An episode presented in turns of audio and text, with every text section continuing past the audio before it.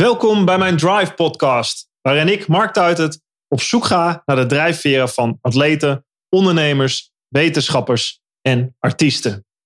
Maarten van der Weijden is de gast op mijn podcast. Ik heb het met hem over geluk en wilskracht. Is het leven zo maakbaar als we denken? En wat was de invloed van kanker op zijn leven? De ziekte waarvan hij genas. Hij werd Olympisch kampioen in 2008 in Peking. Maar hoe komt hij in godsnaam daarna bij het idee om een Elfstedentocht te gaan zwemmen? Maarten legt het uit. Luister naar en leer van Maarten van der Weijden. Maarten, de gast hier op mijn podcast. Daar ben ik heel blij mee. Ik ga met je meezwemmen binnenkort. Godzijdank. Is daarvoor, 22 juni. 33 dagen Niet nog. 200 Ja. kilometer. Maarten gaat eh, weer de Elfstedentocht eh zwemmen. Eh, ja, ik, vroeg, ik vroeg je trouwens. Ik ga twee kilometer meezwemmen. Hou ik je bij? En ik, zei... Ik, Toen was mijn antwoord, ik denk het niet. eigenlijk. ik denk het niet. En daar was ik behoorlijk van onder de indruk. Eigenlijk nog steeds wel. Dus ik ben gewoon een gezonde vent. Ik ga hard zwemmen, volle bak. En ik hou je niet eens bij. Jij zwemt dan 200 kilometer. Alhoewel, dan moet je eerst nog maar even volbrengen. Dat moet ik nog, nog wel even halen, ja. Ja, Maarten, dat doe je natuurlijk eh, met een reden om, om geld op te halen voor, voor kankeronderzoek. Ehm, laten we beginnen bij het begin. Eigenlijk is er voor jou denk ik een leven voor eh, dat jij kanker kreeg en daarna. Klopt dat? Ja, ik denk dat wel de, de instelling wel veranderd is of zo. Ja. Dus ik denk wel dat er, dat er voor echt wel wat dingen anders waren dan erna. Neem ons mee eh, naar hoe jij was eh, voor die kanker. Je was een ambitieuze jonge man, denk ik. Ja, Je wilde gaan zwemmen op een, op een hoog niveau, op het allerhoogste niveau. Hoe- ja en dat, was en dat? Ja, was dus, ambitieuze jongen, dat klopt. Of ik wilde gaan zwemmen, weet ik niet. Ehm, weet je, zwemmen is wel een sport waar je natuurlijk heel vroeg mee begint. Dus eigenlijk alle zwemmers die je in Olympische finale eh, ziet, die zijn allemaal op 7, 8, misschien 9 of 10-jarige leeftijd begonnen. Voor mij was die niet anders. Ja, en, en als zevenjarig jongetje maak je die keuze natuurlijk niet heel bewust. Dus het was dat mijn vader, die, die vond eh, sport een mooi middel om te leren dat je doelen kunt stellen, dat je ergens voor kunt gaan. En daarom ging ik zwemmen. Ehm, maar ik denk niet dat het een, een keuze was die ik zelf maakte. Dat was een keuze die mijn ouders me voorstelden. En ik ging steeds meer en meer zwemmen, zeg maar. Dus ik denk dat dat ehm, voor het ziek zijn is. En wat het ook wel typeerde was.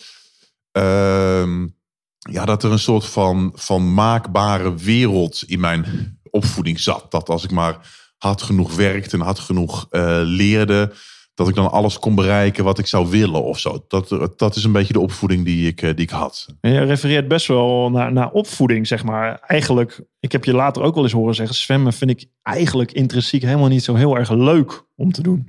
Ja, ik zei dat vorig jaar wel eens, Ja? vlak voor de Elfstedentocht. Ik weet niet of dat heel eerlijk was. Dus weet je, wat is nou leuk? Hè? Dus als je alles uitkleedt, dan is Mhm. niks meer leuk. Nou, maar hoe ging je, naar, hoe ging je als jochie van in je, in je puberteit? Hè? Ik ging Ja. naar de ijsbaan, dat vond ik geweldig. ja, Eh, nou, was voor mij ook een escape een beetje uit het, uit het leven. Gewoon lekker Ja. daar alles kwijt kunnen. Hoe was het voor jou? nou zwemmen? dus ik, ik denk dat, dat ik zwemmen wel leuk vond. Mhm. Ik genoot daar wel van. Maar ik denk dat ik meer genoot van doelen stellen ergens voor gaan. Ja. Dat ik mezelf kon verbeteren. En dat dus zwemmen een middel was Ja. dat ik dat kon doen. Ehm, en dat het niet, niet, niet zelf het zwemmen nou zo was. Wat Mhm. nou zo heel bijzonder was. En ik denk wat er, wat er in het ziekenhuis gebeurde toen ik 19 was. Ja, toen, toen draaide dat een soort van. Opeens was, eh, was er het besef dat het leven niet maakbaar was. Want als het maakbaar was, wat deed ik dan opeens daar in het ziekenhuis? Want neem ons heel even mee naar dat moment van tevoren. Ja, jij, jij zwom. Jij zwom veel, veel. Je was een goede zwemmer. Ja, ja, en ik had zelfs al wel met wereldkampioenschappen meegedaan. Met open water wereldkampioenschappen waar ik, waar Ja. ik negende en zo was. Nou, niet Mhm. heel bijzonder. Nee, maar je was al Eh, jong. maar ik, ik zwom echt al wel veel. En, en, en ja, Ja. goed, wel redelijk, ja. Dus ja. je, had, je had eigenlijk wel de ambitie. Nou ja, als ik jou ken, je hebt het over doelen halen. Ook, had je de ambitie en het geloof ook om de beste te worden? Durfde je van goud bijvoorbeeld te dromen? Ja WK of ik op denk, Spelen? ik denk dat ik, dat ik wel bezig was met mezelf verbeteren. Eh, ik kende ook mijn beperkingen wel redelijk als zwemmer. En ik wist ook wel dat de andere zwemmers... dat er ook wel leeftijdsgenoten waren die sneller waren. Ehm was ook wel een paar keer teleurgesteld geweest. Dat ik dan in het zwembad bijvoorbeeld... eh, internationale wedstrijden wilde halen. En Mm. dat ik dat dan niet lukte. eh, het open water zwemmen was dan een soort van, nou ja, second best. Dat, Ja. dat lukt dan wel, zeg maar. Maar ik kende mijn beperkingen ook wel redelijk als zwemmer of zo, denk ik. Dus, dus ik, ik denk ook dat ik, dat ik vlak voordat ik ziek werd... ook wel twijfelde van, is dit het nou? En Ja. moet, ik, moet ik hier nog heel veel tijd in Mhm. stoppen? En dat, dat, dat daar wel een soort van twijfel ontstond of zo. 19 jaar oud. ehm, dan krijg je de diagnose kanker. Hoe, hoe, hoe was dat? Neem ons even mee naar, naar hoe, dat, hoe dat voor jou Ja. was toen je dat voor het eerst hoorde. Ja, het was... Was je al ziek? Nee, ik voelde me echt al een tijdje beroerd. Eh, ik, was ook die dag en die dagen daarna ook wel blij dat het een soort van naam had of zo. Dat was ook wel weer prettig. Ehm, ja, en het is wel anders natuurlijk. Dus, dus in mijn jeugd was je continu bezig met jezelf verbeteren, een doel stellen, Mhm. ergens voor gaan. Ehm, en, en in het ziekenhuis was dat er niet of zo. En, en, en was er geen, geen, geen droom, geen doel. Er was even geen. Er was niet genoeg ruimte om te kijken naar de toekomst. Het was even nu. Maar had je een arts die jou die boodschap bracht? Op dat moment had je een, zeg maar een soort klap in je gezicht ergens? Ja, het voelde heel onwerkelijk. Dus, dus, ik, dus ik lag al een wat, paar wat, dagen wat zei in het- iemand? Er kwam een arts naar je toe die zei... Nou, het, het, het, was zo dat, dat ik al redelijk een tijd wat symptomen had wat niet klopte. eh, en ik in het ziek in het ziekenhuis terecht kwam. mhm, Daar een dag of drie, vier lag al. Eh, en toen waren mijn ouders, die, die waren die avond ook langsgekomen. En toen kwam er opeens een, een groepje artsen langs. eh, die me vertelde, die ons vertelde dat ik kanker had, dat ik, eh, dat ik leukemie had. Ehm, ja, en, en, en ja, toen wisten we dat. Eh, en dat, dat voelde ook best wel heel onwerkelijk. Eh, dus het, het leek wel alsof een soort van film begon. Dus jouw ouders in die setting, je ouders waren erbij. Ja, Jij lag die op zaten- bed en, en, en, En we hoorden een dat. groep artsen kwam binnen. Ja, en die gaven dat nieuws. En die zeiden dat dat heel erg was en heel serieus. Ehm, ik weet ook niet of ze gelijk een soort van behandelplan gaven. Ik denk dat ze gewoon eerst het nieuws brachten en weggingen. En zeiden van nou, we gaan morgen wel weer verder vertellen wat, wat er dan gaat gebeuren of zo, zoiets. Hm. En heb je die nacht überhaupt geslapen? Ja, nou weet je, ik wist wel dat ik me, dat ik me kloten voelde en dat er iets verkeerd was. Hm. Dus het enige verschil was dat er een, nu een naam was, wat mij mankeerde, en dat we daar dan iets aan konden gaan doen. Ehm, ja, dus, dus, dus ik denk dat, dat, dat, dat ik dat heel snel kon omschakelen of zo. Dus ik, ik heb ook best wel veel mensen die zeggen maar, maar, maar ben je niet boos geweest? Of frustratie? Of heb je de, de ziekenhuismuren aan God geslagen? Ik had het helemaal niet. Dus ik had een soort van, nou, dit is het. En we gaan het wel zien. Ehm, en daarmee brak ik daarmee wel een soort van direct met de maakbaarheid van het leven. En, en, en dat, alles, eh, dat je alles kunt bereiken wat jij wilt. Ehm, en er was opeens eh, een stukje pech. Ehm, en in plaats van dat ik, dat ik dacht, goh, er overkomt me iets, wat heb ik verkeerd gedaan? Begreep ik direct dat dit niet kwam dat ik iets verkeerd had gedaan. Maar direct begreep ik dat, dat geluk en pech bij het leven hoorden. Eh, maar dat dat, dat dat best wel heel anders was dan dat ik van mijn opvoeding mee had Ja. gekregen. Eigenlijk ging die, die, die schakel ging in één keer om. Dat denk ik, ja. Hm. ja. En dacht je toen ook meteen, ja, dat zou ik denken. Je, je stond niet de volgende dag op. Hè, ik weet dat jij hem verfoeilijkt. eh hè, à la Lance Armstrong, waar je zo tegen ageert van... ik word wakker en ik ga de strijd aan. Ik ga er alles tegen doen. Ja, nee, dat had ik helemaal niet. Nee. Ik denk ook wel toen ik, toen ik dat hoorde, ik, ik, ik voelde me heel beroerd. Weet je, Mm. dus ik had, ik had weken daarvoor. En ik denk dat, dat, je, dat je dat als topsporter. had ik dat ook best wel redelijk snel door dat er iets mankeerde. Ja. Weet je, als je. Het lichaamsgevoel. Ja, maar ook als je, als je geen topsporter bent. en je bent opeens een procent van je kracht kwijt. of 5% van je kracht. dan heb je dat helemaal niet door. Nee. Maar als je een procent langzamer zwemt, ja, dan heb je dat in training natuurlijk onmiddellijk door. Ja.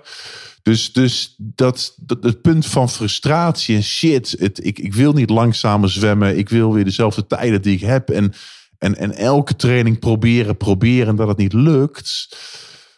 Ja, weet je, ik wist wel dat er iets verkeerd zat of zo. Hm. Ehm, en ja, dus, dus het was ook onmiddellijk duidelijk dat ik dat niet via wilskracht kon. eh, eh. Was je, was je bang om dood te gaan? Nee, ik denk niet dat ik, dat ik bang was. Ik denk dat ik eh, wist dat ik dood zou kunnen gaan.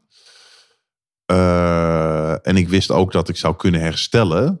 En ik wist dat beide opties zouden kunnen. Eh, Is dat de wiskundige die nu klinkt? Nou, ik weet niet of dat. Ja, nou, het, is, het is wel wiskundig, maar het is ook iemand die, die, die weet dat pech en geluk bestaat. Eh, ik weet niet hoe jij dat als, als, als topsporter heb ik een beetje hetzelfde ervaren. Dus toen ik aan het Mhm. begin, de vooravond van mijn Olympische race stond, wist ik van nou, ik, ik kan winnen. Dat zou kunnen. De kans is niet heel groot, maar het zou wel kunnen lukken. Ja. En de kans dat ik niet win, ja, die is ook heel groot. Of die, die is heel veel groter. En die beide opties heb je. En je hebt er alles aan gedaan. En je hebt je stinkende best gedaan. En je gaat die race in. En je gaat het wel zien of Mhm. zo. Dus Ja, ik geloof, ik, ik kan me in die zin er wel mee verenigen. Tuurlijk heb je geluk en je kan niet alles controleren, alle factoren. Het enige wat je kan doen is zo goed mogelijk voorbereid zijn. ja, En dan naast overgeven aan, je, ja, aan dat moment. Dat, dan kun je inderdaad niet. Ja, je kan je vertrouwen op je talent. Maar voeg ik er wel aan toe, wat, wat bij mij wel heel erg is. Ik weet niet hoe jij er tegenaan kijkt. Is een, het begint wel met ergens een heel diep geloof van binnen. Dat je, dat, dat je wel kan winnen. Dat, eh, dat Ja. de optie, als je er alles aan doet, gewoon mogelijk is. Dat het, dat het niet. Het is niet voor mij als ik aan de start sta. denk, nou, ja, het kan alle kanten op gaan. Zo, Ik geloof erin dat dit kan. Ja, maar geloof je dan... En, en als, als het dan niet lukt, heb je dan zelf iets verkeerd gedaan? Of hoeft dat niet dan? Nee, dat hoeft niet per se. Nee, dat kan natuurlijk gewoon zijn, realistisch, dat iemand anders die dag beter is. Ja. Misschien was ik wel heel goed, maar is er iemand Ja. anders beter geweest? Die reali- realistische optie is er. Maar als ik weet dat ik goed ben, weet dat ik geloof heb, dan moet het natuurlijk niet tegenzitten. Dat kan. Dan, dat, die, dat geloof in dat die En mogelijkheid er dan- is. Moet er dan niet tegen zitten of moet het meezitten? Ja, dat, is, dat kun je lang over discussiëren natuurlijk. Ehm, nou, de- in mijn geval, toen ik Olympisch kampioen werd, de- waren er een aantal dingen die echt op zijn plek vielen al voor de tijd. Moest het wel even lekker meezitten? Ja, Ja. ja. ja nee, ja, dat, ja, dat was wel een heel, heel uitgedacht proces. Het was niet toevallig dat het allemaal samenkwam. Ja, het is, voor mij was het echt een proces wat al heel lang in gang was. Waar ik echt diep in geloofde wat lukte. Ehm, maar om naar jouw ziekte toe te gaan, die kanker, op dat moment dat jij in het ziekenhuis lag, heb je, heb je niet een soort geloof nodig gehad van ik weet gewoon dat ik beter ga worden. Ik ga beter worden. Dat bedoel ik meer. Heb je, hè? Snap je wat ik bedoel? Nee, dat heb je niet. niet, hè? Heb ik niet nodig gehad. Ik heb dat wel in het ziekenhuis wel ervaren. Dus Mhm. ik heb dat bij medepatiënten heb ik het wel gezien. Eh, en vaak herstelde zij dan, dan nog niet. Ja. En wat er gebeurde was dat ze vanuit die, vanuit die hoop en Ja. vanuit het, het zeker weten dat ze zouden herstellen. Ja, dat dan in zo'n laatste fase er een heleboel frustratie ontstaat. Hm. Valse hoop eigenlijk. Nou, uit, Ja. Uiteraard is iets zeker weten eh, valse hoop. Maar uiteindelijk ja, is, is mijn ervaring in het ziekenhuis dat dat die patiënten niet geholpen heeft of zo. Mm. En, Mm. en, en even de, de, de, de, de spiegel maken bijvoorbeeld naar mijn eh, Olympische race. Mhm. Ehm, weet je, wat ik zo fijn vind aan het, aan het model van, ja, weet je, het kan lukken of het kan niet lukken. Ik heb er alles aan gedaan. Ik heb Mhm. mijn stinkende best gedaan en nu gaan we het wel zien. Ja. Is dat als het in het moment tegenvoelt, dat je dus geen frustratie voelt. Ja. Dus als jij bijvoorbeeld een rondje geschaatst had bij jouw Olympische race. En het rondje was net eigenlijk niet hoe jij hem gewild had. Ja. Ja, voel je dan frustratie? Denk je, shit, toch niet? Of kun je dan een soort van door met het beste uit, uit jezelf halen? En wat bij mij in mijn Olympische race cruciaal was, was dat ehm, eh, z- 700 meter voor mijn finish, dat ik dacht dat ik de leiding overnam, maar dat dat niet zo was. Want ik had een, een andere zwemmer, David Davies, had ik niet gezien. Want die was van het peloton weggezwommen. En ik had niet de leiding, ik had de leiding van de achtervolgende groep.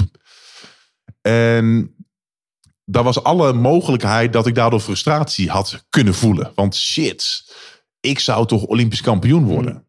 Maar omdat ik dat niet zo blindelings wist of hoopte, dacht ik van, nou oké, weet je, dus, dus die, die, die Engelsman die is nu weg.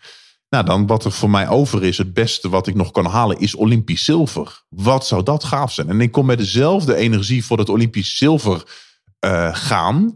Terwijl als ik mezelf te veel dat Olympisch goud voor had gehouden, dan was dat niet meer mogelijk geweest. Ja, dat, ik, ik, kan, ik kan me eigenlijk zijn we het heel erg met elkaar eens, denk ik wel hoor. Het heeft te maken met een soort doel. Het is wel saai, want voor een podcast is het leuker als je daar een soort van contrast nou, hebt. Ik kom zo nog even bij je terug, vriend. zo makkelijk kom je er niet vanaf. Maar als het gaat om het doel, eigenlijk wat je zegt, is gewoon inderdaad, als je te veel, hè, dat hebben meerdere mensen die ik ken ook wel. Um, als je, als je al, al kampioen bent voordat je het bent hè, dan denkt te zijn, dan heb je het al in je hoofd van ik ben al kampioen. Dus als je alles wat je minder is, dat, daar loop je al gefrustreerd mee rond. Ja. En dat helpt je niet om uiteindelijk dat doel te halen. Ja. Maar, je moet maar de wel... andere kant, wat jij zegt, is zeg maar het gevaar dat je een soort. Ja, dat vind ik wel fascinerend. Ik heb, toen ik jouw boek las ook, dat, dat, dat bijna zonder een diep geloof ergens in, in, ook in beter worden, in verder willen leven, kunnen leven, die zekerheid, dat helemaal los kunnen laten, dat het bijna een soort ja, de andere kant van het helemaal maakbare is apathie. Dus je, zeg maar nergens meer. Dat er dan een soort van saai wordt. Nou, nee, niet zozeer saai, saai maar meer apathie. Dus echt zeg van, ja, ja, het, eigenlijk maakt het allemaal niet meer uit. Ik geef me helemaal over. Ik heb hier helemaal niks te vertellen. Wat ik ook doe, het maakt eigenlijk toch niks meer uit. Ja, ja en ik denk dat, uh, weet je, dat, dat is natuurlijk ook niet mooi of leuk of zo. En hoe, hoe, hoe ik het zie, is dat ik heb inderdaad geen geloof in, goh, ik, ik, uh, ik word beter, ik weet het mhm. zeker. Of ik ga Olympisch goud winnen. Of ook nu, ik ga de, de, de Elfstedentocht zwemmen. Mhm. Dat weet ik niet. Waar ik wel heel erg het geloof in heb. En ik denk dat dat uh, het antwoord op jouw nou ja, vraag of uh, constatering is. Is ik heb heel erg het geloof dat als ik mijn stinkende best doe. Dat dat voor mij een fijnere manier van leven is. Ja. Dus het, het Olympisch goud halen was niet het hoogste. Maar die weg, en dat klinkt natuurlijk heel triviaal, dus een enorme grote, grote open deur. Maar zo ervaar ik dat wel. De weg mijn stinkende best doen en kijken wat het maximale haalbaar is. Mijn stinkende best en kijken hoe ver ik met die Elfstedentocht kom en hoeveel geld we kunnen inzamelen. Dat is waar ik heel erg in geloof. En ik heel erg weet. Ja. Ja, dat kunnen we elkaar toch wel de hand schudden uiteindelijk. Natuurlijk, iedereen denkt het, beleeft het op een andere manier, maar dat is wel de kern. De, ja. de route daar naartoe. Hoe verliep jouw route toen je, toen je, toen je beter werd? Of nog één ding, wat was, wat was het meest heftige moment in het ziekenhuis uh, tijdens je, je ziektebed dat je, dat, je, dat je dat allemaal moest doorgaan? Wat, wat was het moment waarvan je dacht, man, dat ik, pff, dit tekent me voor het leven? Ja, je echt nou, ik denk twee dingen. Um, en dan de, de, de, de mildste noem ik dan eerst. Ik denk dat uh, wat mij, uh, wat ik nog steeds meedraag, is, is het besef dat in die periode van mijn ziek zijn, dat ik in mijn, uh, in mijn derde chemokuur, aan het eind van mijn behandeling, dat ik, de, dat ik een, een hersenvliesontsteking kreeg dat die hersenvliesontsteking veroorzaakt zou kunnen zijn dat de leukemie terug zou zijn. Dat zou kunnen en dan zou, zou ik nog een paar weken te, te leven hebben. Alleen ze moesten dat nog eventjes vaststellen of dat echt zo was. Um, en toen wist ik wel van, nou ja, weet je, als ik, als ik over een paar dagen slecht nieuws hoor, dan is het echt wel gewoon klaar. Ja. En daardoor ontstond een soort van wanhoop. Zo van ook uh, tegenovergestelde van hoop, het bijna zeker zien van, ja, weet je, het, het, gaat het verkeerde pad op. En nou weet je, ik wist dat dat zou kunnen, maar ja, shit, weet je, zoiets. Uh, en toen in die, in die wanhoop heb ik nog een soort van gedacht, goh, ik ga naar de hoogste etage van het ziekenhuis en ik spring eraf en ik ben helemaal klaar mee. Maar ook daar ontstond een soort van nou ja, rust en een soort van, nou weet je, we zullen het ook wel zien of zo. En, en het, het, ja, dat is wel redelijk het, het dichtst moment, het, het moment waar ik het dichtste op, op een soort van sterfelijkheid zat. Waarbij ik nu een soort van troost ervaar dat ik daar ook een soort van rust in kon vinden. Uh, en dat is achteraf natuurlijk makkelijk praten, maar ik denk dus dat weet je, ik mijn eigen, eigen sterfelijkheid en dat ik, dat ik uh, net zoals iedereen uh, ooit zal sterven, dat ik dat niet zo heel moeilijk vind. Maar waar ik heel erg veel troost op dat moment uit haalde, was dat ik op mijn leven terug kon kijken en dacht van nou, ik heb eigenlijk wel gewoon een prima leven gehad. Ik ben wel blij hoe het verlopen is. Ik heb geen, geen fouten gemaakt. Ik heb geen Hmm. spijt of Hmm. zo. En dat ik geen spijt had, dat, ja, dat, dat, maakte, dat maakte het draaglijker. Ja. Eh, maar daarmee heb ik wel een soort van druk nu. eh, dat als ik dan terugkijk. Ja, ik, ik wil nooit in een situatie komen waar ik wel spijt heb. Nee. Eh, dus als ik dingen wil, dan moet het wel nu. Ja. Dus dat, is, dat is één verhaal dat ik, dat ik meeneem. Het andere verhaal is dat ik eh, lotgenoten en, en, en tegenover mij lag, lag Bob. En Bob had ook twee dochters, net zoals ik nu twee, twee dochters heb. Ehm, ja, en Bob en ik waren een soort vanzelfde persoon. Alleen, nou ja, waar bij mij de behandeling aansloeg, sloeg dat bij hem niet aan en hij stierf. Ehm, en dat, dat lijkt mij vreselijk. En die, die pijn dat ehm, ik me een soort saamhorig voel met, met, met die honderdduizend Nederlanders die per jaar kanker krijgen. Waarvan eh, ruim 40.000 Nederlanders niet zoals ik het geluk hebben om te herstellen. Ja. En dat dat niet eerlijk is, ehm, ja, die neem ik wel mee, denk ik. Is dat waarom je doet wat je nu doet? Die. Elfsteden zwemtocht. Absoluut. Geld ophalen. Ja. Want volgens mij, ik weet niet of jouw vrouw dat was of iemand het heeft gezegd. Dat, dat je je schuldig voelt dat je leeft bijna nog. Nou, ik, ik, ik ervaar een soort van overleversschuld. Eh, maar die schuld niet als een soort van last die ik meedraag, hoor. Maar Mhm. weet je, als je het hebt over, over geluk en pech en, en keihard werken en ergens voor gaan. En dat dan op het moment wat vrij belangrijk is, dat je dan maar hoopt dat het muntje goed valt. Ja. Dan mag je ook best wel dankbaar zijn dat hij goed valt. Eh, weet je, en ik had pech dat ik, dat ik leukemie kreeg toen ik Ja. 19 was. Ik had het geluk dat ik herstelde. Ik had geluk dat ik het muntje bij mijn Olympische race Mhm. 21 augustus 2008 de juiste kant op viel. Eh, ik had heel veel geluk dat, ondanks dat de artsen dachten dat ik onvruchtbaar zou worden door mijn behandeling, dat ik nu twee prachtige dochters heb. Ja. Ik ben enorm dankbaar voor wat het leven mij geeft. ja. Ehm, En daarom heb je eigenlijk het gevoel dat je ook iets terug moet, moet geven. Ja, ik vind dat, ik vind dat fijn. Ik vind het fijn om, om te constateren, het, de plek waar ik nu ben, waar ik Mhm. heel blij mee ben, daar ben ik dankbaar voor. Eh, dat is natuurlijk omdat ik mijn stinkende best gedaan heb, heel hard gewerkt heb, et cetera, et cetera. Maar wat heb ik ook een rete geluk gehad. Ja. En bij dat besef van geluk voelt het goed als je iets terug doet, denk ik. Ja. Ja, dat, Tenminste, voor, voor mij eh, voelt Mhm. het goed. Ja. Mooi. Ja, ik, eh, ik denk dat je heel waardevol werk doet. Ehm, jouw vader, dat was volgens mij degene die, eh, waarvan je die maakbaarheid toch wel mee hebt gekregen. Hè? Doelen stellen, Ja. dat meegekregen. ja. Hoe, ehm, hoe, hoe reageerde die na jouw hele ziektebed en richting, richting die Olympische Spelen toe daarna?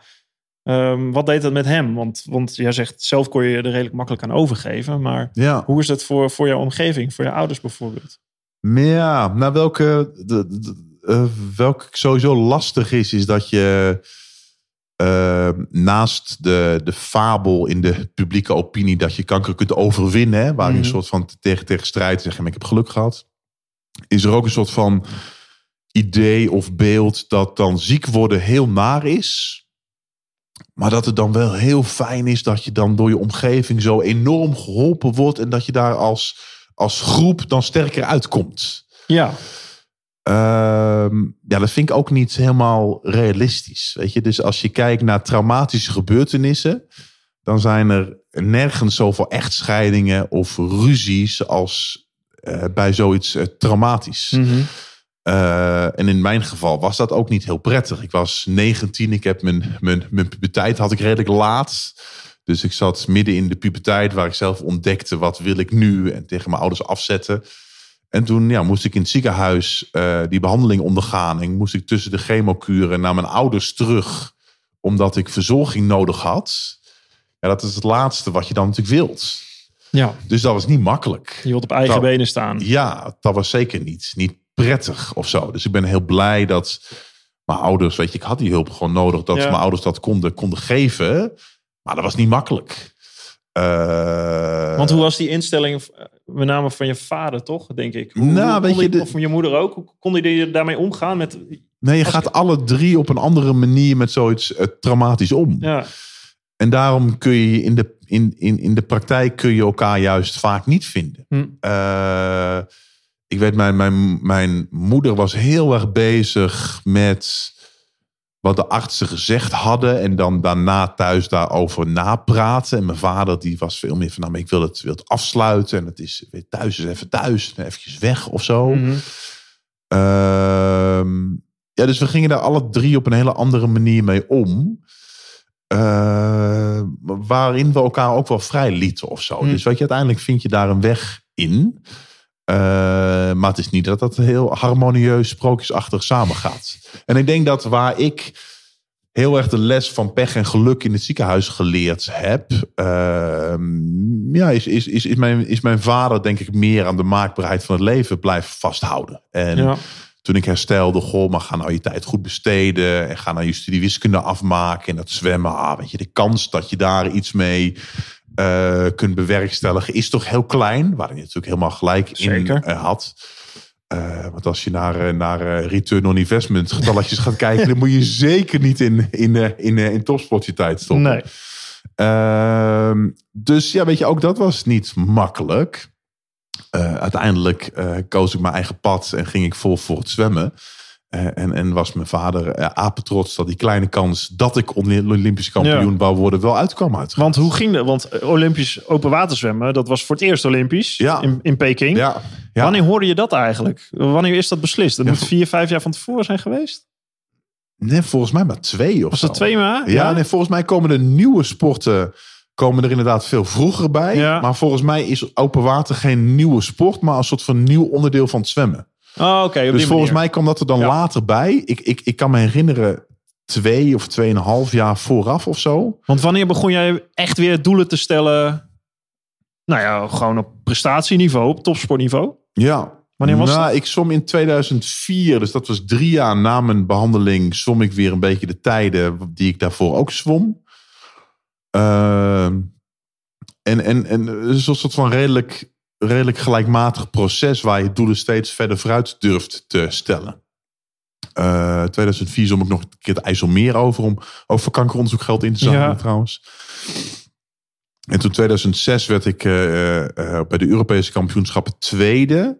En toen dacht ik, nou, weet je, dat kan bij de Olympische Spelen ook, omdat open water is maar best wel een Europees. eh, het zwaartepunt van de wereld ligt wel in Europa een beetje.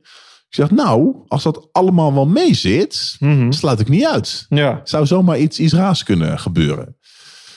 Ehm, dus, dus toen ging ik daar een beetje over nadenken of zo. Ja, toen, toen werd het een beetje. Alleen toen had ik 2007 had ik een WK in Australië. En toen, toen werd ik een beetje zieker daar vlak voor. En toen, nou, toen, toen, toen, eh, toen, werd ik zevende of achtste, kansloos. Ehm, ja. Nou, Ja, jij zegt een beetje over nadenken. Eh, volgens mij, eh, en dat doe je nu weer. Volgens mij heb je het redelijk maniacaal aangepakt voor 2008, toch? Je bent niet even over gaan nadenken. Je hebt, jij bent, je hebt ergens een idee gehad van, nou, dit, ik ga, dit ga ik vol. Hier ga ik vol voor. Ja, Hier geloof ik Ja, maar ik, helemaal ging in. er, ik ging er altijd er wel vol voor of zo. Dus ik heb ook, het, ik, ook herinneringen met zelfs met, met jeugdkampioenschappen en zo. En dan Ja, maar jij ging ik toch voor Peking en weer, wat had jij? Een bril, zuurstoftent, een zuurstoftent. lichtbril. Nou, je dat, gaat, dat, deed je daarvoor niet. Nee, maar je wordt steeds extremer erin of zo. Ja, dat hè? bedoel ik. Ja. Je, gaat, je gaat een kant op en je voelt misschien dat het lukt. Je voelt dat er ergens iets in zit. En dan gaat het alleen nog maar ja, meer die kant op. Ja, nee, zo is het inderdaad, denk ik. Ja, ja. Want wat deed jij al? Wat heb je allemaal niet gedaan voor 2008? Ja, dus ik, ik, ik, ik, ik, ik trainde elke dag zo'n zeven uur. En ik had dan 15 uur per dag had ik een zuurstoftent. Yes. En dan had ik een, een lichtbril. Dan hebben, hebben we nog Dat- zeg dat maar zeven uur. Dan, eh, dan heb je nog een paar uur over om... Nou, die twee uur tussen de 7 en 15 uur had ik twee uur over. En, en nou, dan, dan, eh, dan reisde ik een beetje heen en weer. En, en ik deed ook buiten het tentje ging ik ook, ook eten. Want ik had heel snel door dat e- in het tentje eten, dan stinkt het heel erg. Ja, en ik kan me nog herinneren, ik had dan, voor mij was het dan woensdag. Eh, want ook mijn relatie met Daisy ging verkeerd. Ja. En volgens mij was een van de, van de kantelpunten in, in, in toen het verkeerd ging, was dat woensdag train ik half. Dus dan train ik niet zeven uur per dag, maar drie uur of zo. Dan had ik de middag vrij. Ja. En dat was op de verjaardag van Daisy. Dus toen zei Daisy, maar zullen we dan met z'n tweeën lekker uit eten? Want jij hebt Ja. tijd en het kan ook. Maar weet je, die 15 uur in het tentje was een soort van, van leidraad. Maar die, die was ontstaan Ja. omdat we wisten hoe langer ik in het tentje zou blijven, des Ja. te beter. Ja. Dus toen had ik de keuze of ik ga met Daisy uit eten en we vieren haar verjaardag. Of ik kan drie uur extra in mijn tentje zitten. En nou ja, weet je, als je voor de Olympische Spelen eh, gaat en het echt het maximale, dan ja, is het laatste misschien beter. Eh, dus nou, toen ging ik weer in mijn tentje. Dat en, vertelde je haar. Ja. Schat, ik eh, Ja. ga even met Ja, weet je, maar het is ook, het is ook natuurlijk niet. eh, het is ook niet fijn voor, voor een vrouw en een meisje om te horen dat ze zo duidelijk te zien dat ze, Ja. dat ze echt Dat op de tweede plek staat. Precies. Ja. Ja, dat zijn mijn vrouw ook vaak genoeg hoor. Ja. In Mars linker schaats rechter schaats en dan kom ik. ja. Maar de- toen zei zij ook, zij zei dan toen ook van ja, nou, Maarten, het is nou even klaar met je. eh, Nee, volgens Of heb mij. jij dat? Ja, voor mij heb ik toen die keuze gemaakt vanuit. en Weet je, het is natuurlijk logisch als dat soort dingen gebeuren, dat je als, als, als vrouw nou nog wel een beetje vecht voor de meeste aandacht. Ja, En dat kon ik er dan even niet bij hebben. Ik was Ja. aan het zwemmen. En ik, ik, ik wilde bij wijze van spreken die vraag of ik een paar uurtjes dan met haar uit eten Hmm. wou gaan op haar verjaardag. Die vraag wilde ik helemaal niet je hebben. wilde die vraag niet eens. Nee, Je wou het overwegen niet eens. nee. En wanneer was dit? Want de Spelen waren in augustus. Spelen in augustus. Ik denk dat, nou, dus, dus hij is 28 november is hij jarig. Jeez. En, en Even voor de luisteraars om aan te geven hoe, hoe maniacaal jij al aan het trainen was. Ja, en eh, ik- en ik in nog- november, hè? ja, maar mijn trainen is gewoon het hele jaar door. En op de zomer hadden we drie, vier weken vakantie. En dan, en dan, en dan ging je weer. ja. Ja. En in januari hadden we in Venezuela een trainingskamp. En toen, nou ja, weet je, soms moet je ook een beetje afstand hebben om, eh, om zulke keuzes te maken. Dus had ik, had ik afstand. En, en toen, eh, toen eh, ja, schandalig achteraf. Maar ja, zo gaat het dan wel. Ik heb er vanaf Venezuela gebeld. En gezegd ja, dat het niet, niet meer ging. Zo, ja. Sorry. Pring. Ja, En toen hing je op. En toen gingen we verder met zwemmen. ja. Ja, ja, nee, Was ja. ze erbij eigenlijk in, in Peking? Nee. Nee, en ze had, ja, ze had zich wel voorbereid van... Goh, straks dan wint die idioot en dan zie ik hem overal. Dus ze was Ja. heel... eh, dus ze had zich voorbereid dat ze ergens op een camping in Frankrijk eh, zat. Grappig. Dat zelfs, Dan wint- dan zelfs als ik zou winnen... Ja. zelfs als ik zou winnen... dat ze dan niet eh, mijn, mijn hoofd op, op tv zou zien. Eh, dus ja, ze zat veilig in Frankrijk. Hoe was het voor jou toen je won? Ja, Want je werkte keihard aan, je bent maniacaal, maar dan? Ja, ik vond het wel grappig. Ik vond, nou, ik, ik weet je, de, nou, ja, twee, twee, dus, dus weet je, het, het, het, het beeld van geluk en pech. En, en het is fijn om dat bruggetje nu te maken, want het, het, het, het, het, het, het, mega voor één doel gaan. Weet je, mensen die hebben in hun hoofd dat geluk en pech, dat het dan niet meer om je daadkracht gaat of zo. Hè? Maar het is natuurlijk altijd en-en. Eh, maar als je, als je eh, dat, dat, dat mega voor één doel gaat, als je dat gehad hebt. En je, je Olympische race als pech en geluk. En nou, we zullen het wel zien wat het wordt, ziet. Ja, dan, dan overkomt je dat ook. Dus het overkwam me. Mhm. En ik tikte aan en ik was heel verbaasd. Je ziet mij ook een soort van vertwijfelend op dat platon. eh, zie, je, zie je me heen en weer dwarrelen. Ik was heel verbaasd. Eh, wat wel heel gek was, dat als je mega voor één doel gaat, is dat alles wat je daarvoor doet, nooit met de gedachte van daarna is of zo. Ja. Dus, dus, dus alles was voorbereid tot die race. En na die race was er niks. En als ik Ja, ergens een hekel aan heb, is als er niks gepland is. Of als je nergens over na hebt gedacht. Ja. Dus het was ook een soort van warrig of zo die dagen daarna. Dat, dat je ook niet weet wat je moet doen. Want er Je was doel even is niks. Je doel is weg. Je staat in één keer vol in de aandacht. Ja, en daar heb je ook helemaal niet over nagedacht of voor, voor getekend of zo. Nee. Het is wel grappig wat jij zegt, want jij, jij zegt natuurlijk, je, staat, je refereert veel naar pech en geluk bij jouw race. Minder naar de maakbaarheid van het leven. Maar als ik jou hoor praten over hoe je die voorbereiding van de Spelen hebt gedaan, dan denk ik maar één ding. Dat is gewoon proberen alles te controleren. Dat is bijna totale maakbaarheid. Nou, het streven naar totale maakbaarheid, dus het wat binnen je macht ligt, daar compleet voor gaan. Maar ook accepteren dat je niet alles in de macht hebt.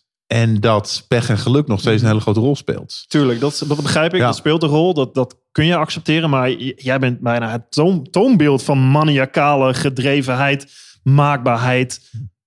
Met het idee inderdaad van het kan altijd verkeerd gaan. Ja. Maar ik kan mezelf in ieder geval niet verwijten dat ik er alles aan heb gedaan. Ja, In extremis. ja. Dat doe je echt in extremis, denk ik. Voor, Ja. voor die spelen deed je het. Ja, en dat, doe ik. nu weer. Ja, en dat doe ik tot. Ik, ik kan daar zo extreem in gaan. Omdat ik. eh en daar, begonnen we een beetje mee. eh, dat in mijn jeugd. Weet je, topsport en zwemmen is geen hele bewuste keus geweest. Ja. Eh, en toen ik uit het ziekenhuis, toen ik in het ziekenhuis lag en terugkeek en mij mezelf als gedreven jongetje zag en altijd maar doelen stellen en ergens voor gaan. Ja, in zicht van vergankelijkheid, wat heb je aan het doel stellen? Natuurlijk helemaal niks. Dus in het Ja. ziekenhuis beloofde ik mezelf, ik ga elke dag leven alsof het mijn laatste dag is. Ja. En ik ging dat doen. Ik ging elke dag leven alsof het mijn laatste dag was. En ik kwam erachter dat dan elke dag hetzelfde was. En dat dat voor mij dus niet werkt. Ja. En dan, nou, dan, Je hebt dat grote doel nodig. nou, ik, toen, toen begreep ik pas wat voor mij het leven mooi maakt, is dat, dat ik voor een doel ga. Ja. En daarna streef. Ehm, en toen ben ik weer gaan zwemmen. En, En- niet halfslachtig. En niet halfslag, maar omdat ik zo bewust die keuze voor het zwemmen gemaakt heb. En zo bewust de keuze voor ik heb dat doel nodig gemaakt heb. ehm, kan ik daar veel meer voor laten of zo. Dus er is, er is bij mij. Ik, ik denk dat daar veel minder twijfel is. Dus Hmm. ik, ik, ik, eh, ik heb toen heel bewust die keuze voor de Olympische Spelen gemaakt. En niet, en niet ik, ik ga naar de Olympische Spelen en me daarvoor voorbereiden. Maar ik ga zwemmen en ik ga kijken hoe ver ik daarin kom. Dat daar op die weg helemaal geen twijfel meer was. Ja. Ehm, en eigenlijk is dat eh, met de Elfstedentocht net zo.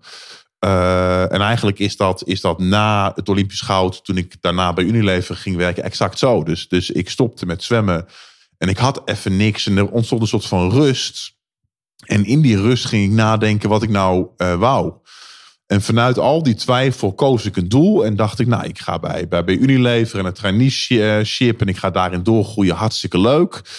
Eh, en dat ga ik doen. En dat heb ik vijf jaar vol overgave gedaan. En toen Ja. na vijf jaar ging ik denken, goh, is, is met dit het nou? Eh, toen ben ik een wereldreis gaan maken. Eh, en in die wereldreis eh, ja, weer een soort van rustmoment gevonden en nagedacht. En wat wil ik nu? En daaruit kwam, goh, maar ik, ik wil eigenlijk eh, veel meer met, met wie ik ben en in het ziekenhuis mee heb gemaakt. Ja. En het leed dat, dat ik daar zag. Eh, en ik ga veel meer, veel meer vrijwilligerswerk doen. Ik ga Ja. veel meer met ja, misschien een eigen stichting beginnen. En zo is de Elfsteden Zwemtocht ontstaan. Was dat zoiets dat je dacht van, hé, ik, eh, je was à je vader misschien een normaal leven aan het opbouwen? Met een baan, met een gedrevenheid daarin. Je ging op vakantie en je dacht eigenlijk, ja, wat je nog moet doen in je leven is nog iets... Wat, wat je, maar je hebt, het is, hoofdstuk is nog niet afgesloten. Wat je hebt Met gedaan. het, het, het, het heeft een, meer een verbindenis met eh, de angst hebben dat je uiteindelijk spijt hebt. Ja, dus als je op je sterfbed uiteindelijk komt te liggen, Ja. God mag wel Als ik- hopen dat het zo Ja. laat mogelijk is, dat je denkt en terugkijkt van ja, ik heb alles gedaan wat in mijn macht Ja. lag. Nee, maar als ik, als ik 40 jaar voor Unilever Mhm. gewerkt had en na 40 jaar, als ik toen pas de tijd Ja. had genomen om terug te denken, goh, maar is het eigenlijk wel de juiste keuze geweest? Ja. Dan is er natuurlijk best wel een kans dat je zegt, oei, toch maar niet. En dan ben je 40 jaar kwijt. Ja. Dus plan nou elke vijf jaar, plan nou even dat je, dat je terugkijkt en nadenkt, goh, het leven dat je nu leidt, is dat echt het leven wat jij wilt? Ja. Want na vijf jaar kun je nog veranderen. Ja. Ehm, maar als je de laatste fase van je leven ingaat en je hebt 40 jaar lang hetzelfde gedaan ja, en daarop terugkijkt, ja, Ja. die schuld die wil ik niet hebben. nee. Is dat iets wat mensen misschien vaak zouden moeten doen? Reflecteren, tijd nemen om te kijken van wat ben ik nu aan het doen? Maakt me dit echt blij? Ja, dat denk ik wel. Weet je, de, de, de, de tijd die we hier hebben, dat weet niemand. Het enige wat we kunnen doen is dat je, je jouw tijd zo goed mogelijk besteedt. Ja, Maar wat is dan goed mogelijk besteden? Ja, doen wat jij wilt, denk ik. Weet je, de, Ja. de invloed die, die, die onze ouders, eh, maar ook, ook vrienden en kennis en familie op onze keuzes maken, hebben, is natuurlijk echt wel heel groot. ja, En als je kijkt, hoe bewust maken wij nou de keus voor eh, een studie of voor een baan? Ja, natuurlijk vaak niet, Nee. niet heel erg. Vaak komt er een kans en die pakken we en dan gaan Ja. we maar gewoon door. Ja. Dus ehm, ja, ik ervaar dat, dat soort van bewuster keuzes maken en bewuster leven en, en echt dingen doen die jij wilt. Ja, dat dat voor mij heel fijn is. Is het eh, ook iets, eh, want uiteindelijk kwam alles weer goed met deze en jou. Ja, Jullie zijn gelukkig. Gelukkig. Twee, eh, twee kinderen. Ehm, jullie waren samen op die reis ook. Was het ook Ja. iets wat jullie tegen elkaar zeiden? Van, nou, hoe gaan we het verder doen? Nee, uiteraard. Weet je, dus je moet, je moet voor jezelf weten wat jij wilt. Mhm.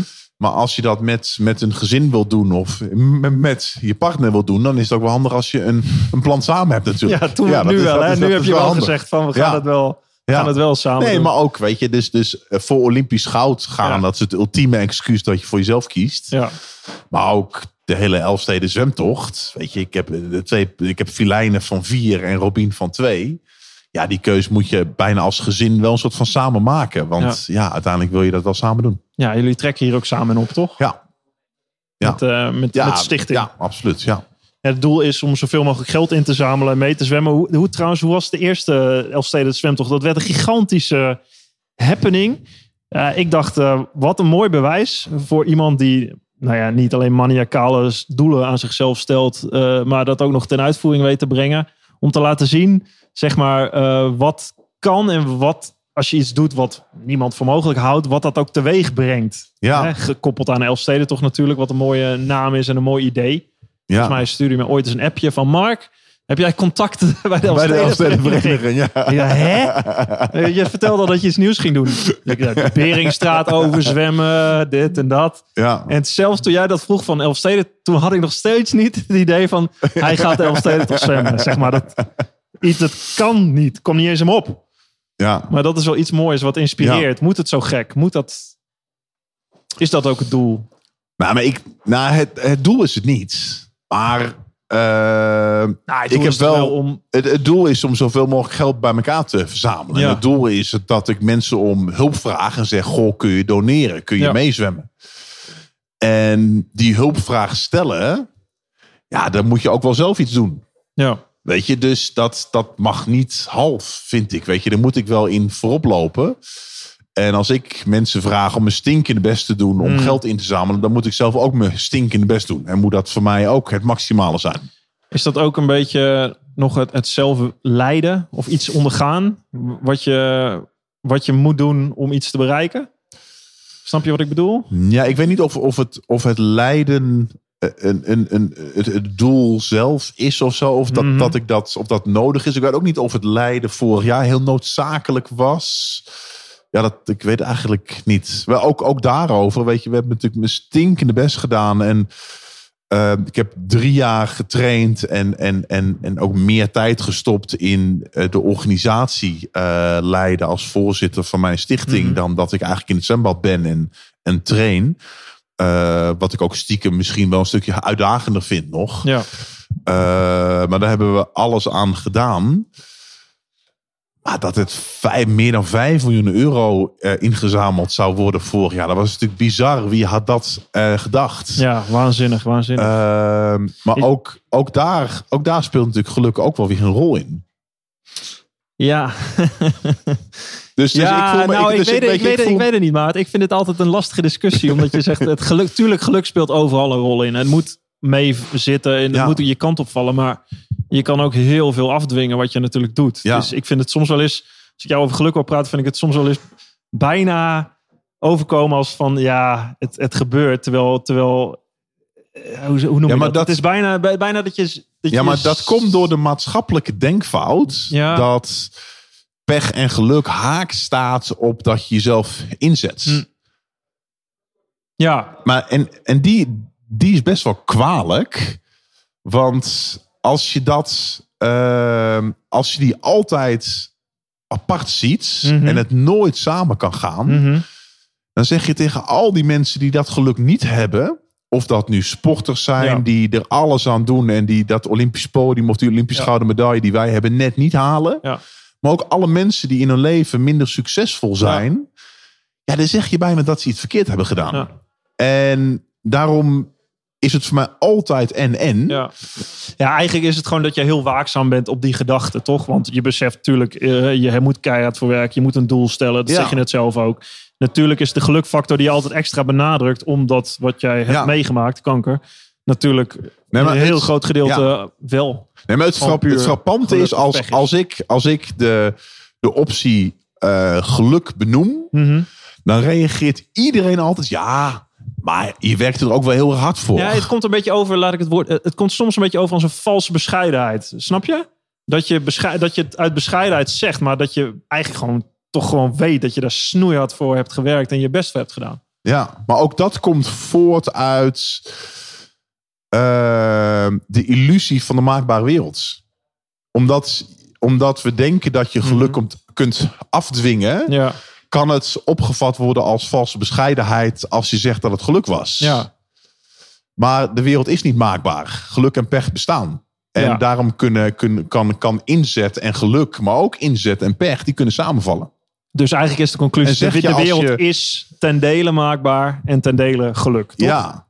ja, en dus als, als iemand die gouden medaille niet wint, ja.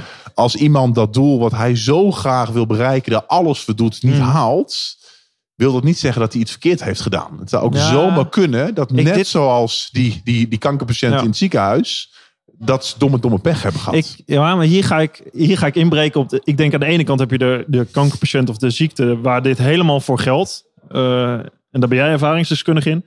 Aan de andere kant heb je topsport. En ik ken veel topsporters, ik zie veel. Er zijn niet veel topsporters die zo maniacaal naar één doel toe werken. Er zijn, hè, ik vind het te makkelijk om te zeggen, ja, ja, ik ben tiende geworden, ik heb er alles aan gedaan. En dat kan, hè. begrijp me goed, dat zou echt kunnen. Maar ik denk wel dat de top van de top in topsport er wel echt alles aan doet. Ook genetisch betere aanleg heeft misschien. Vooral denk ik, ja. Dat is, tuurlijk, is dat, tuurlijk is dat een factor. Maar ik denk ook wel een hele grote En die factor. Die gaan ook kunnen net we ook wel als geluk samenvatten. dat is helemaal Ja. waar, dat klopt. Dat is helemaal eens. Maar er is ook een factor die ik ken van de echte top. Die, die, die zijn of kunnen ze dingen makkelijker van zich afzetten. Die kunnen nog dieper gaan. Die zijn nog maniacaler met een doel bezig, zoals jij hebt gedaan. Weet je, dat zijn wel net Ja. die laatste 0,1% die wel een verschil maken. Tuurlijk. En dat is wel maakbaar. En dat, zijn, dat is wel een instelling. Dat is wel een drive. En die in topsport extra uitvergroot wordt. Hè? Dat, dat, dat is Ja. per definitie de hele wereld bij elkaar. En de 0,001% Ja. Nee, maar het is... deels Het is ja. deels... Nee, maar we, we- zijn het helemaal eens mensen. dat het zo is. Mhm. Alleen het is, het is grappig dat als ik zeg dat geluk een rol speelt, Ja. dat jouw reactie is dat inzet en voorbereiding ook een rol speelt. Ja. En natuurlijk is dat zo, maar dat is geen ehm, tegenstrijdigheid. Nee, oké. dat gaat al- juist samen. Ja, klopt. klopt. Ja, En- ander- en- en andersom dus- zou je kunnen zeggen, als, andersom gebeurt het zelden. Dat je zegt, ja, dit is pure inzet. Maar we vergeten even de factor geluk. Nee, maar die horen we juist natuurlijk heel vaak. Ja, precies. Dat bedoel ik. Ja. Ja, ja Dus zo is die- het. Nou, we zijn het toch eens, Zijn we gelukkig. het, eh, zijn we het eens eh, voor het uur? Conclusie getrokken. Eh, nou ja, ik vind het, zoals ik al zei, ik ga met je meezwemmen. Ik hoop op ontzettend veel succes. Waar kunnen mensen doneren als ze dit luisteren? Elfstedenzwemtocht.nl .nl. Ja, en, en ook, ook, ook, ook dat, hè. Dus, dus uh, zoveel mensen in mijn omgeving die zeiden... Maat, het was zo'n succes vorig Mhm. Ja. jaar. Dat ga je toch... Dat, dat wordt nooit meer zo Ja. tof dit jaar. Ik zou het niet, niet doen. Ja. En ik zei, maar dat, dat weet ik niet. Weet je, ook al is het maar een fractie van... dan is het het, Ja. het nog, nog het meer dan waard. ja, volgens mij moeten gewoon mensen tegen jou zeggen, dat moet je niet doen. Dat moet je niet doen. En dan ga je, ja. maar, maar ik denk ook wel, juist omdat ik vooraf Mhm. besef... dat het ook zelfs heel anders kan lopen dan ik hoop... Ja, Weet je, het kan zomaar zijn dat ik het niet haal. Het kan zomaar Ja. zijn dat, het, dat er echt een fractie ingezameld wordt dan Mhm. vorig jaar. nou, ik vind, Maar ja, dat ik is vind het ook mooi dat je het juist wel doet. zeg maar. Ik vind het mooi dat je het daarom wel doet. Gewoon scheid aan al die verhalen. En je, tuurlijk, eh, marketingtechnisch zou je misschien denken... nee, dat kan maar één keer groot en Ja. daarna gewoon nog een keer doen.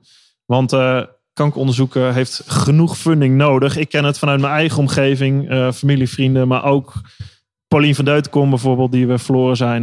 met name in de schaatswereld, die we allemaal goed kenden aan, aan kanker. Het is een verschrikkelijke ziekte. En ik denk dat er met goed onderzoek... Ja, dat is de enige manier, denk ik, om, om überhaupt mensen te kunnen helpen... Dat is de enige manier, denk ik, dat Ja. als je op ziektebed ligt, dat je weet dat je daar iets aan hebt. Naast goede mensen om je heen. En, eh, en veel, eh, veel sterkte. Dus uh, ik uh, hoop ontzettend dat je misschien wel het bedrag van vorig jaar al weet te overtreffen. En ik hoop natuurlijk ook dat je 200 kilometer volbrengt. en het nu een keertje wel haalt. En, zou en het zijn, gewoon, ja. uh, gewoon Dat haalt. En dan ben jij waarschijnlijk eerder dan ik 200 kilometer in het 200 kilometer door Friesland afleggen. Waar ik dan ook steek, stiekem een klein beetje jaloers op ben. En ik ga dan 22 juni, als ik langs naar voren kom, dan ga ik zwaaien naar je natuurlijk. Ja, nee, zeker. Ik ga je proberen bij te houden voor hoe lang het duurt. Twee kilometer, dat wordt, uh, dat wordt nog een hele klus. Dus misschien wordt het 500 meter. Ik weet het niet. 1500 meter, dat zou mooi zijn. Nee, het is of 500 afstand. of, 500 of 2000. Ja, Ja, zo is het. Mark. ja, je, je, je moet je wel een beetje aan de zwemregels ik, trek, aanpassen. ik trek mijn eigen plan wel. dank, je, dank je, Maarten. Dank je, Mark.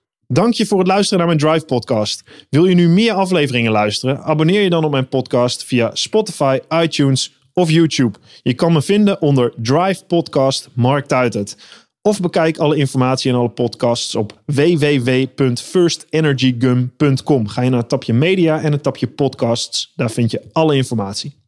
Laat me ook weten wat je van deze podcast vindt en welke gasten jij graag zou willen horen. Dan ga ik daar werk van maken. En dat kan je doen via mijn eigen social media kanalen. Mark Tuitert. Je kan me vinden op Instagram, Twitter en LinkedIn. Ga gedreven verder zou ik zeggen. En tot de volgende Drive podcast.